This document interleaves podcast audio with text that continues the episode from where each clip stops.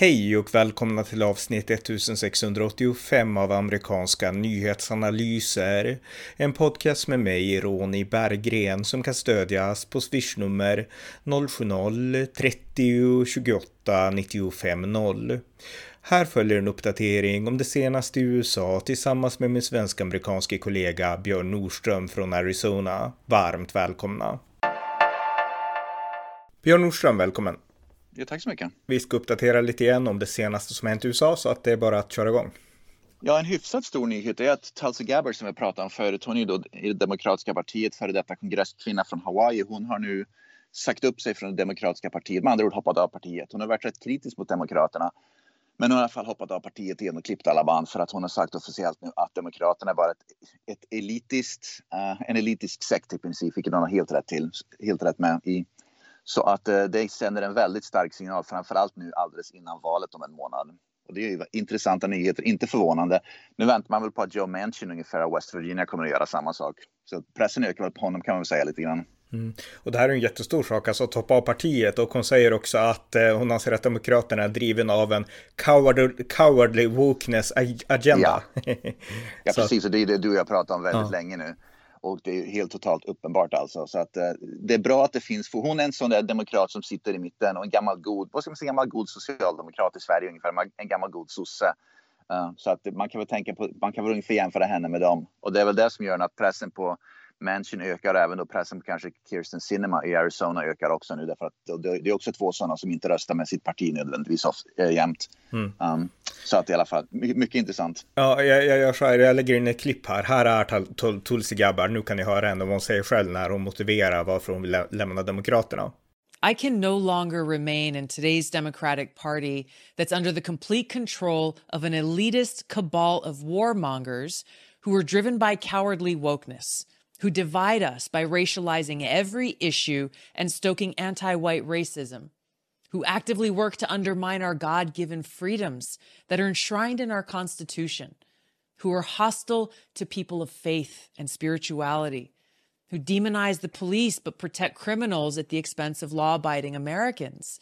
Who believe in open borders, who weaponize the national security state to go after their political opponents, and above all, who are dragging us ever closer to nuclear war. Now, I believe in a government that's of the people, by the people, and for the people. Unfortunately, today's Democratic Party does not. Instead, it stands for a government that is of, by, and for the powerful elite. Now, I'm calling on my fellow common sense, independent minded Democrats to join me in leaving the Democratic Party. If you can no longer stomach the direction that the so called woke Democratic Party ideologues are taking our country, then I invite you to join me. Det var det klippet. Okej, okay, men har du fler saker du Björn? Ja, men det är intressant. Du vet ju att uh, jag såg ett program på CNN, så du vet Chris Wallace, han var ju före detta uh, Fox News-reporter. Han gick över då, eller lockad över då till CNN då. Mm. Därför att CNN försöker ändra riktning lite grann i alla fall. Man ser verkligen att CNN nu promotar Chris Wallace som deras vad ska man säga, huvudperson. Han är på deras Facebook-sida och allting. Och det intressanta är den signalen de skickar ut. De kallar hans program för um, Discourse, not Discord. Vilket betyder ungefär samtal, inte bråk. Ungefär. Mm. Det är ungefär det de säger. Va? Och det är väldigt intressant därför att det visar att nummer ett, de tar avstånd från tidigare Don Lemon, Chris Cuomo och allt de där. Alltså, därför att deras program gick ut på att bjuda in republikaner för att bara bråka med dem och provocera dem. Så att de försöker, man verkligen ser nu att CNN försöker ändra vad ska man säga, inriktning och vad ska man säga, samtalston ungefär. Att istället göra det mer inriktat till mer en allmän. Och jag tittar faktiskt på ett avsnitt med Chris Wallace bara för att se. Men det är inte alls den här politiska utan han, det var, de, de samtalade då om, om, om HIV och aids med någon läkare tror jag det var. Så det är inte alls samma samtal man var van att se Chris Wallace med. Så det verkar som att de ändrat, han har ändrat och CNN då har ändrat lite inriktning på hans program. Så det var inte alls lika intressant om jag ska vara ärlig. Så jag såg ett program och tänkte att det här är något för mig. Därför att det, det, det, är mer bara vad ska man säga, ett, ett familjeprogram lite grann nästan, inte politik. Nej, nej, men det är ändå bra att de ändå rör sig i rätt riktning, även om man gärna vill att de ska bli politiska också, fast objektiva. Men det är ändå bra det här. Chris Wallace är en seriös, sansad person, vi har pratat om honom förut. Så att ja. jag menar, det här blir ett lyft för CNN och det blir ett sätt att återetablera deras liksom ställning som ett objektivt, eh, Eh, professionellt nyhetsankare. Ja, jag kan nästan tänka mig då som för mig då som har sett Chris Wallace på Fox News väldigt mycket så, så var det vad ska man, en liten, vad ska man säga, jag blev lite besviken. Men å andra sidan så är det ju CNN han är på. Han kan liksom inte dra igång sina Fox News grejer där utan han måste börja kanske på ett mjukare sätt.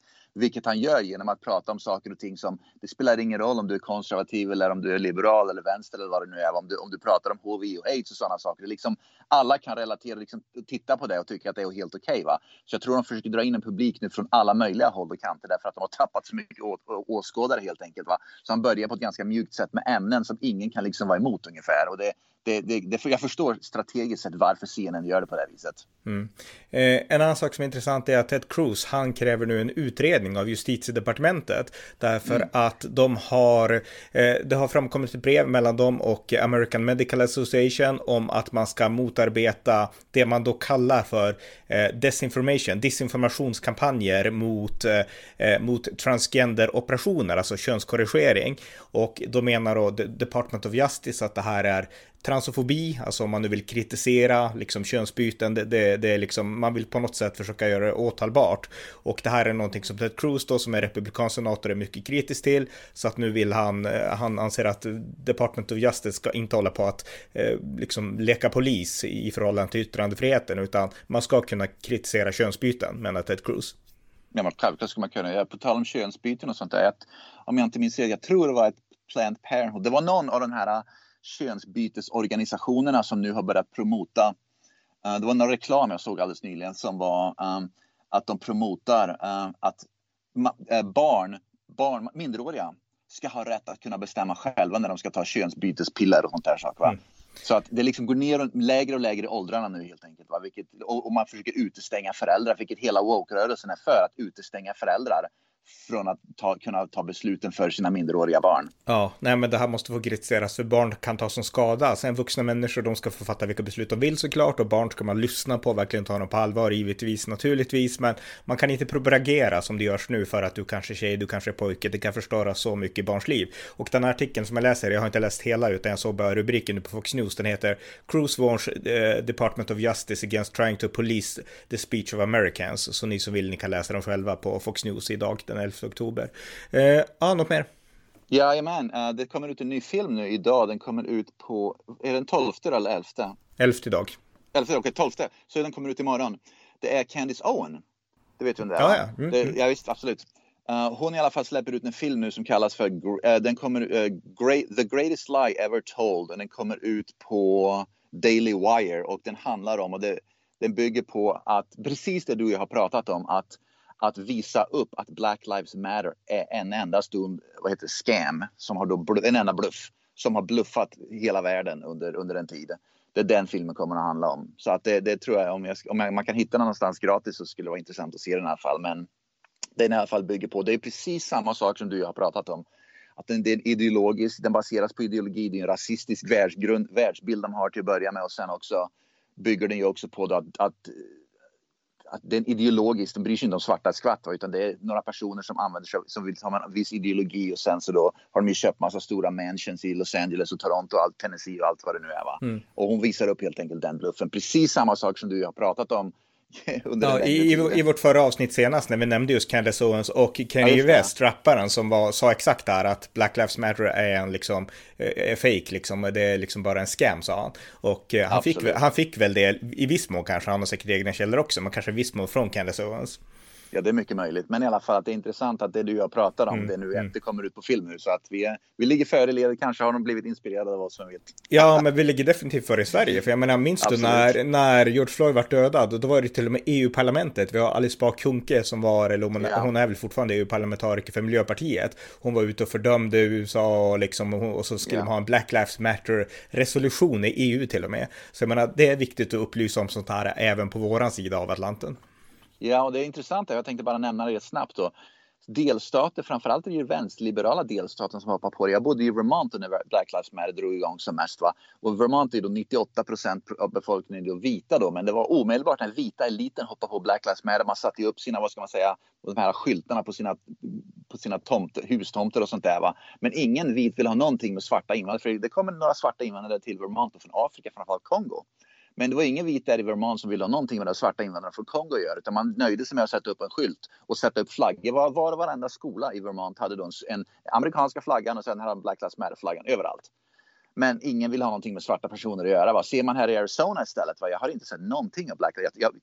Om, om, man, om man tittar bara på vardagssamhället i Vermont, då var Black Lives Matter överallt i teorin bara, vad ska man säga, så symboliskt, men mm. ingenting i praktiken. Va? Här i Arizona, man, jag vet inte ens om Black Lives Matter existerar här i Arizona, man ser ingenting någonstans. okay, Hör ingenting, okay. ser ingenting. Nej, Ändå det... är andelen svarta i, i, Arizona är mycket högre än i Vermont. Mm, just det. Eh, jag läser också en sak som, eh, på tal om, eh, ja, ett snarlikt ämne, eller inte riktigt, men då, de här bussningarna vi har pratat om, med illegala yeah. immigranter till liksom olika demokratiska städer. Nu har New York Times en artikel där man då försöker härleda den här, om man ska säga taktiken då, som de menar, till ingen mindre än såklart Donald Trump. artikeln heter, den publicerades idag, The Origins of the GOP Tactic of Sending migra Migrants to Blue States, och då menar man att det här var en idé som Donald Trump kastade fram hösten 2018, där han tyckte att man borde skicka Eh, folk från gränsen till så kallade sanctuary cities, cities alltså fristäder. Ja. Eh, och Trump var ju väldigt kritisk mot de här fristäderna, det är välkänt. Oh ja. Eh, och det, det, var säkert så att han liksom på något sätt kanske lanserade den här idén. Nu tror jag att Texas guvernör Greg Abbott och Ron DeSantis, de agerar helt på eget bevåg. Men, ja. men det är ändå kul därför att det känns lite grann som att New York Times vill knyta det här till den person som är så liksom alltid lätt att demonisera, Donald Trump. Det här var Donald Trumps idé ungefär. Ja, visst, och det är det som är intressant. Men det visar ju också att fortfarande den här fixeringen vid Donald Trump finns fortfarande kvar. Och det visar ju också att Donald Trump har faktiskt ganska stor makt över partiet. Därför att jag, tror, jag är inte säker på att, det är möjligt att det hade skett, men jag är inte säker på att DeSantis eller Greg Abbott eller eh, Doug Ducey här i Arizona hade skickat upp dem där om inte Donald Trump hade liksom föreslagit och vad ska man säga, gått först med de tankarna. Va? Jag är inte säker på att de hade gjort det rent konkret, utan det, de, de kan nog bli inspirerade av det och tycka att det här var Så, så det ligger lite sanning i det, att Trump har ändå inspirerat där? Ja, för han är ju fortfarande hetluften här i USA. Han är ju fortfarande någonting som vänsterliberal media ältar ju fortfarande Donald Trump. Och Donald Trump, han var ju här i Arizona i, var det förrgår? Och höll ett stort torgmöte mm. här i Arizona för bara några dagar sedan. Va? Han är ju fortfarande i hetluften. Va? Så att jag tror att, att de är fortfarande rädda för att, att, att Donald Trump påverkar konkret politik som de där guvernörerna driver helt enkelt. Och det ser man ju nu också, jag tänkte bara nämna det på tal om Donald Trump vad heter hon? Lisa Murkowski som då är senator från, uh, från Alaska. Hon har ju varit senator i 20 år från Alaska. Hon kommer förmodligen inte att vinna senatsvalet primär, i, i Alaska nu. Utan det kommer att vara en, en annan republikan som kommer att bli republikanernas uh, vad heter det, kandidat. Då, Chewbacca. Chewbacca Precis, ja, ja, Chewbacca ja. Som hon, hon är då backas upp av Trump. Som andra ord en Trump-kandidat vinner, kommer förmodligen att vinna, i alla fall enligt opinionsundersökningarna nu, kommer att vinna mot, mot gamla goda, uh, vad ska man säga, mer moderata då, uh, Lisa Murkowski i Alaska. Och det säger en hel del om att Trump fortfarande besitter makten långt upp i Alaska. Ja, ja verkligen. Eh, och eh, jag har gjort ganska många poddar om henne, därför borde jag veta vad hon heter. Men hon heter Chewbacca i efternamn i alla fall och eh, Eh, ja, det kommer bli jättespännande. För vi kan säga att eh, Sarah Palin, hon verkar ha förlorat, eh, eller hon kommer med sannolikhet inte att få en kongressplats. Plats. Det men, stämmer, ja. men, men Kelly Chewbacca som hon heter, hon kommer med sannolikhet att få en senatsplats då. Så att det kommer bli spännande. Hon är ju lite grann av en ung Sarah Palin skulle jag säga. Ja, alltså en yngre ja. person och hon är, hon har samma liksom, jag vet inte om det, jag har aldrig varit i Alaska, men om det är en slags Alaska-mentalitet, väldigt outgoing och väldigt så här, lite som Sarah Palin faktiskt. så att de har likheter de två. Ja, och det här är intressant faktiskt att det är många, det är fler unga kvinnor som hamnar i kongressen i USA som, som, som stödjer Trump. Det är flera unga kvinnor som har hamnat uh, som har blivit invalda i kongressen under Trump. Så att när vänsterliberal media målar upp att det här Trump, han har bara med sig massa unga män eller massa gamla gubbar ungefär. Det stämmer inte alls. Det, det, det är många unga kvinnor som hoppar på Trump-tåget också. Och det är precis som att, att om man jämför i Sverige, va? Enligt media så är det då bara massa unga outbildade idiotiska vita män som röstar på Sverigedemokraterna. Va? Men tittar man på de faktiska siffrorna så har ju Sverigedemokraterna fler invandrare med invandrarbakgrund som röstar på dem än som röstar på Centern och Vänsterpartiet. Och det är allt fler, fler, fler kvinnor som röstar på Sverigedemokraterna än som röstar på Vänsterpartiet och så vidare och så vidare. Va? Så att media målar upp en bild av att det är bara unga vita korkade outbildade män som, som, som, liksom, som stödjer Trump ungefär. Men det är allt fler kvinnor, utbildade kvinnor, unga kvinnor som hamnar i kongressen som stödjer Trump. Det är väldigt intressant det där att det, media missleder en hel del vad gäller vilka som faktiskt är anhängare till Trump. Mm, ja, visst. Eh, ja, något annat? Jajamän, jag såg att en ny siffra är att um, andelen, 59, för bara några veckor sedan var det 59 procent av amerikaner som, som, som är väldigt oroade över, att, över uh, Joe Bidens mentala hälsa. Den siffran ökat från 59 procent till nu 64 procent och den, den ökningen från 59 procent till 64 procent är enbart demokrater. Så allt fler demokrater nu statistiskt anser att, att eh, Joe Biden, sin egen president, då, har en mental hälsa som, som, som är ett problem för honom och partiet och liksom för USA. Mm. Så um, jag är inte säker på att, att eh, Biden kommer att bli kandidaten nu därför att han kommer på ett eller annat sätt tror jag bli kickad nu när allt fler demokrater inser att han är helt liksom, mentalt ohälsosam. Mm, mm. Eh, ja, något annat? Ja, Ricky Gervais, han är i alla fall han är ju då en känd brittisk komiker och han har ju då varit Uh, vad ska man, han, är, han, han är en sån här som håller, vad ska man säga, vad heter den där, host um, för Golden Globe och de här showerna då som där man delar ut massa priser till de rika kända ungefär. Han i alla fall sa att han, han kommer inte att vara med på Golden Globe i år som en host därför att de, de helt enkelt promotar cancel, cancel culture. Och han sa att jag vill kunna köra mitt race för mig själv och göra mina, mina skämt och allt vad det nu är men de tillåter inte det så att jag kommer inte att vara host för det i år. Så han tar avstånd från cancel culture och från de här uh, award ceremonies därför att de helt enkelt cancel culture. Vad hette han sa du? Ricky Gervais. Ricky Gervais, det var han som kom det var han som skapade The Office från början och han är väldigt känd komiker. Okej, okay, just det. Mm, ja, ja. Ja. Eh, ja eh, något mer? Jajamän. Um, här i Arizona så man ser verkligen nu skillnaden på demokra Demokraternas och Republikanernas guvernörskandidat här i Arizona som Carrie Lake. Hon är då Republikanernas kandidat här i Arizona för guvernör. Man ser verkligen att tyvärr är det nästan lite två extremister här som är, som, det är liksom de som är i mitten, vad, vad ska man rösta på ungefär? När det gäller abort till exempel, Carrie Lake, hon är då mot abort totalt, det ska liksom vara noll abort, punkt slut. Och den demokratiska kandidaten Katie Hobbs har nu sagt att hon är för abort fram till dagen som barnet ska födas. Med andra ord att om barnet inte fött ska du kunna få göra abort ända fram till födseln. Mm. Och då ser man ju liksom det är då två motpoler och extremer ute på denna abort vad ska man säga, liksom när det gäller abort. Va? Så de som sitter i mitten och vill ha någonstans i mitten har då inget val längre. Det, är, det skapar ju ett problem för de som faktiskt är i mitten och tycker att man, det ska vara abort men det ska vara kanske upp till 18, 20, 15 veckan när man nu kan tänka så. Det finns ingen kandidat att rösta på där. Så om man röstar nu på guvernörskandidat i Arizona så, så är det antingen abort fram till födseln eller ingen abort alls man kommer att rösta på. Hmm. Ja, det, det, alltså, det är de två val man har. Det är vansinnig, vansinnig, vansinnig polarisering och vansinniga liksom, två extrema ställningstaganden. Liksom. Hmm.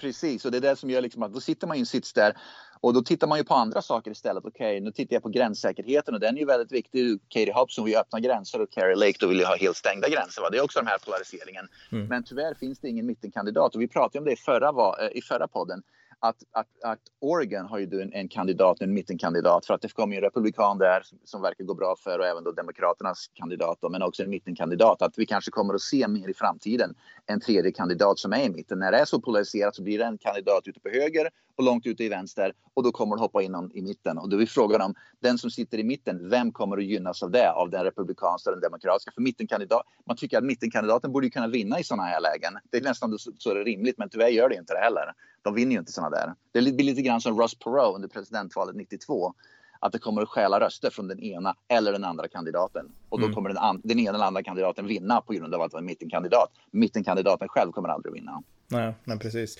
Och eh, det är ju så här att eh, abortfrågan gör ju att demokraterna får liksom luft under vingarna. Eh, så att där har de ju, ja, där har de en fördel. Men de har ju nackdelar i andra frågor som till exempel inflationen, ekonomin och så där. Så det kommer bli väldigt jämnt. Brottsligheten. Ja, ja. ja, brottsligheten inte minst, verkligen, verkligen. Ja, eh, ja något annat. Ja, vi pratar om Nike. Nike har ju då varit ett väldigt woke företag. Och vi pratar om det. Men i alla fall, en av grundarna, det finns, Nike grundades av ett par personer, men en av grundarna av Nike, han i alla fall kommer ut och stött och stödjer den republikanska guvernörskandidaten i delstaten Oregon med en miljon dollar. Och det är intressant i alla fall att Nikes grundare stödjer republikanerna och inte woke. På den mm. sidospåren. Ja, ja men verkligen, verkligen. Eh, något annat? Jajamän, vi, som du nämnde tidigare, då, de, de skickar upp då, guvernören här i, i, de, i tre olika delstater skickar upp massa illegala invandrare då till New York bland annat. Och nu i alla fall många illegala invandrare då, de hamnar ju då i New York. Och jag tror det var Staten Island om jag inte minns fel. De går runt i alla fall, illegala invandrare går runt nu och knackar dörr och ber om hjälp. Så de går runt nu bokstavligen och knackar på människors dörrar och ber om hjälp och få mat och kläder och, och liksom få någonstans att bo och så vidare. Va? Så där är situationen där. Så då tycker man att många av dem som det knackas dörr på har ju förmodligen röstat fram Biden och även då Bill de Blasio när det begav sig, Eric Adams då eller eh, och även då för den, guvernör, den demokratiska guvernören som man, man nu får de liksom precis det de röstar på ungefär, illegala immigranter som knackar dörr och ber om hjälp. Mm. Eh, och på tal om det så, vi har ju pratat om eh, John Durham, den här specialåklagarens utredning mot det som heter Russia Gates, alltså när man anklagade Donald Trump för att vara en spion. Och man byggde mycket av det på det som heter The Steele Dossier, som visade sig vara ett demokratiskt beställningsjobb av Hillary Clinton och det demokratiska partiet 2016. Och eh, Christopher Steele var ju den som skrev det, men hans främsta källa, det var Igor Daneshko, eh, heter han då. Och den källan eh, bedöms nu ha ljugit för FBI och liksom, eh, eller kommit med den här falska informationen som ligger till grund för det Steele Dossier. Och eh, nu så inleds eh, eh, ja, åtalet mot honom eh, nu den här veckan. Där, där då eh, ja, John Durham ska driva ett åtal mot honom.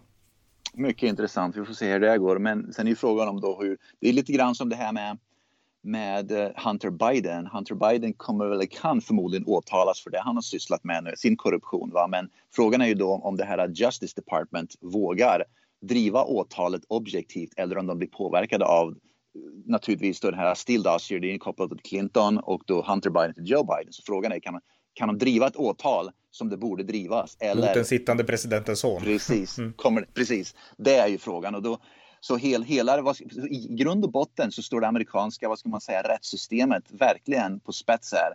Därför att när, när det är rika och kända och, och väldigt, väldigt maktfulla personer som är, liksom, har kopplingar till, det, till åtalet kan man fortfarande driva det då eller inte? Det är frågan om. Så att, ja, mm. intressant. Ja, något mer? Ja, ett par saker till. Um, Las Vegas var en, en stabbing. Det kanske, jag, vet, jag, tror inte, jag har inte sett någonting om det i svensk media, men det var någon galning som rände runt med en kniv och, och, och liksom knivhögg då sju, åtta personer. Jag tror två dog och åtta skadades. Det visade sig vara en illegal invandrare som, som var förbannad på att han ville ta foton på några stripper, men de, de gick inte med att ta foton på honom. Och då istället så började han hugga vilt med kniv på sig runt på vanliga på turister där helt enkelt, va? på, på the strip ja. på huvudstråket där. Och i alla fall, han är illegal invandrare. Så återigen visar att illegala invandrare begår våldsbrott och mördar människor här. Ja, eh, vansinnigt. Och sånt där måste ju skrämma turister. Jag tänker mig att en stad som Las Vegas måste ju liksom, turism måste vara ganska viktigt. Ja, absolut. Vi ska ju, vår familj ska upp till Las Vegas. Min dotter har en softballturnering uppe i Las Vegas om fyra veckor, en, en månad. Och vi liksom funderar på, ska vi verkligen gå till The Strip eller inte? Nej, vi kan nog skita det därför att det, det händer ju saker, liksom skitsaker där, som stabbing och sådär regelbundet där nu tyvärr. Ja, ja. Mm. Eh, ja, något mer? Ja, Ben Sass. Uh, mm. han, ska, han är eh, senator, han ska resign nu i alla fall från senaten han fick till ett jobb, han fick ett attraktivt jobb, jag tror University of Florida, så han fick ett väldigt attraktivt jobb inom universitetsvärlden som han ska hoppa på istället. Ja, och så. han var ju avskydd av Donald Trump, så jag menar han hade väl ett drev mot sig och frågan är om han skulle ha kunnat vinna ett domval. Jag har, inte, jag har ingen större koll, alltså min, min, min kollega John Gustafsson är en stor fan av Ben Sass, han vet säkert, men jag, jag vet inte. Ja, min tanke är också precis samma sak, att jag tror, Sass, han är från Nebraska tror jag om jag inte minns fel. Ja, och Nebraska normalt röstar fram republikaner och min gissning är att han kan nog inse att han kommer att ryka i vilket fall. Då är det lika bra att hoppa på något annat därför att som vi har pratat om nu i den här podden med. Trump är fortfarande inflytelserik över partiet och över väljarna då så att det, det, han, han inser nog att hans tid är körd. Mm. Eh, något annat? En sista grej som jag har, vi pratade om Joe Bidens mentala hälsa. Han gjorde ytterligare en sån här gaffy, som det heter, eh, när han liksom, en groda som hoppade i munnen på honom. Han sa att uh, I have two words for you, jag har två ord till er. Made in America, vilket är tre ord. Så han kan inte hålla räkning på det ens. I alla fall, Joe Biden är ett nötskal. Det är ett återkommande skämt. Och återigen så visar det det. Okej, okay, det kan liksom vara en sån här slip-up då som, som vem som helst kan göra. Men han har jäkligt många slip-ups nu för tiden, Biden. Ja, verkligen, verkligen. Ja, men perfekt. Tack för den uppdateringen, ja. Björn. Ja, absolut. Ni har lyssnat till amerikanska nyhetsanalyser, en podcast som kan stödjas på swishnummer 070-30 28 95 0 eller via hemsidan på Paypal, Patreon eller bankkonto. Tack för att ni har lyssnat.